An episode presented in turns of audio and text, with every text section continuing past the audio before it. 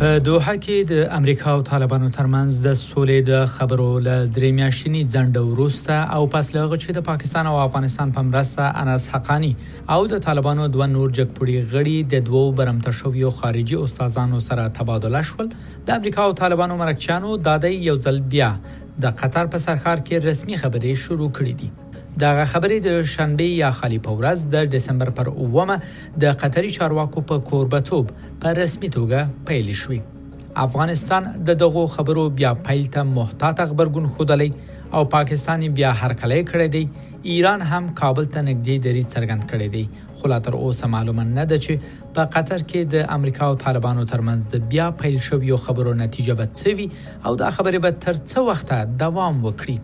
د امریکا صدر ډونالد ټرمپ د نوومبر پر 28 مه افغانستان ته د خپل ناڅاپي سفر په ترڅ کې دا خبره په ډاګه کړه چې امریکا او طالبانو بیا سره تماسونه نیولي او دا داوا یې هم وکړه چې طالبان اوس سخت د یوې روغې جوړې لیواله دي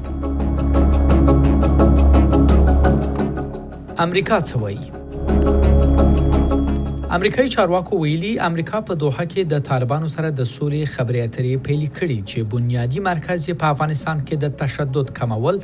او د افغانانو په مشرۍ خبرې اترې جاري ساتل دي چې مقصد یې په افغانستان کې تل پاتې امن ته لار اورول دي د دې خبرو د رسمي بیا پیلېدو څخه مخکې امریکا په لومړي ځل د داعش ډلې پر ضد جګړې کې د طالبانو د کوشش یادونه وکړه د افغانستان د سولې لپاره د امریکا خاص استازي زلمی خلیلزاد پر خپل ټوئیټر ولیکل چې د امریکا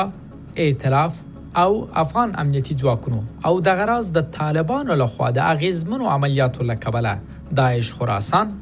سیمه او جنگیالي وبایلل د خلیلزاد دا ټویټ وښود چې امریکا د داعش پر ضد د طالبانو هڅې ستایي بل پلو د امریکا د دفاع وزیر مارک اسپر ویلي چې د افغانستان د وګړي جګړې د ختمېدو لار یوازې له طالبانو او افغان حکومت سره یو سیاسي موافقه ده. افغان حکومت څه وایي د افغانستان حکومت په قطر کې د امریکا او طالبانو ترمنځ خبرو د بیا پیل په اړه کوم رسمي خاص بیان نه دی جاری کړی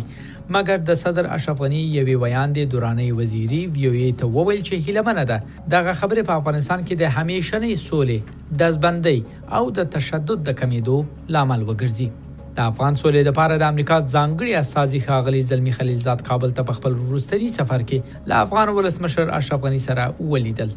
د افغان حکومت په وینا، په دې لیدنه کې د کامیابه بین الافغاني مذاکراتو لپاره د اوربند پر شرط ټینګار وشو او د هېواد نه بهر د طالبانو د پټنځایونو په موجودیت هم خبرې وشوې. بل اړخ ته د افغانستان اجراییه رئیس او په انتخاباتو کې د صدر غنی رقیب ډاکټر عبد الله هم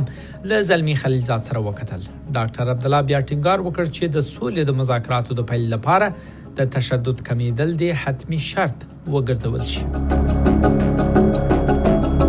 طالبان څه وایي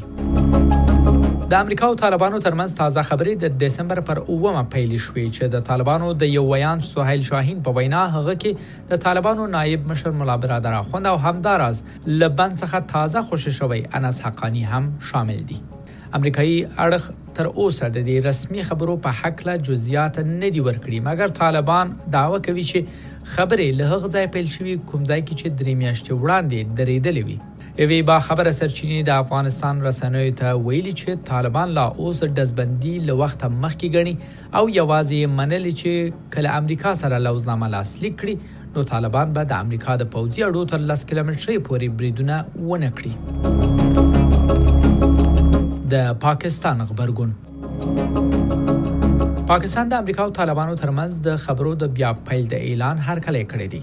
د پاکستان خارجه دفتر د زیارت یا پنځشنبه په ورځ یو رسمي بیان جاری کړ او هغه کې وویل هیله من یو چې دغه خبرې بین الافغاني مذاکرات تر شا ولري او بالاخره یو امن او با ثباته افغانستان رامنځته کړي. پاکستان ټول اړخونه دې ته هڅوي چې د یو مشترک مسولیت په توګه ګټورو خبرو ته سره کینی.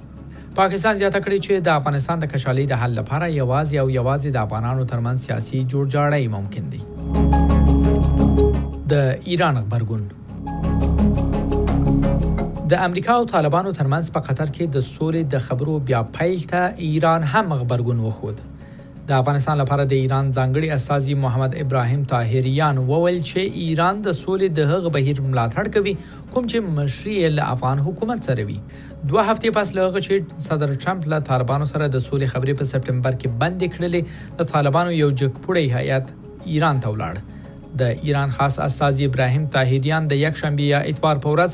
کابل کې له صدر اشرف غنی سره په کتنه کې د طالبانو د هغه سفر په اړه هم افغان صدر ته معلومات وړاندې کړل ناتو هیوادونه څه وایي د شمالي اتلانتیک د تړون تنظیم یا ناتو د غړو هیوادونو مشرانو تیر اونۍ یو ځل بیا ټینګار وکړ چې په افغانستان کې د اوګدې مودې امنیت او ثبات ساتلو ته ژمن دي د ناټو عمومي منشي ینس ټولټنبرګ وویل طالبانو ته پکار ده چې وپوهیږي چې د جنگ پر میدان یې نشي ګټلای افغانستان د پاره د ناټو غیر پوځي استاذي نیکولاس کې هم وویل چې طالبان باید جوړجاړي ته تیار شي او د تشدد کمیدو ته غاړه کیږي خلک څه وایي د افغانستان خلک له جنگ جګړو ستړي شوي او د سولې تیګي دي اکثر یې دا خوشبینی څرګندوي چې له طالبانو سره سوله وشي د آسیا فاونډیشن یو تازه سروي ښیي چې نه اتیا فیصد افغانان له طالبانو سره د سولې له مذاکراتو ملاتړ کوي او څلور شپېته فیصده نور بیا له دغې ډلې سره سوله ممکنه بولي. د جنګ جګړې تیزېدل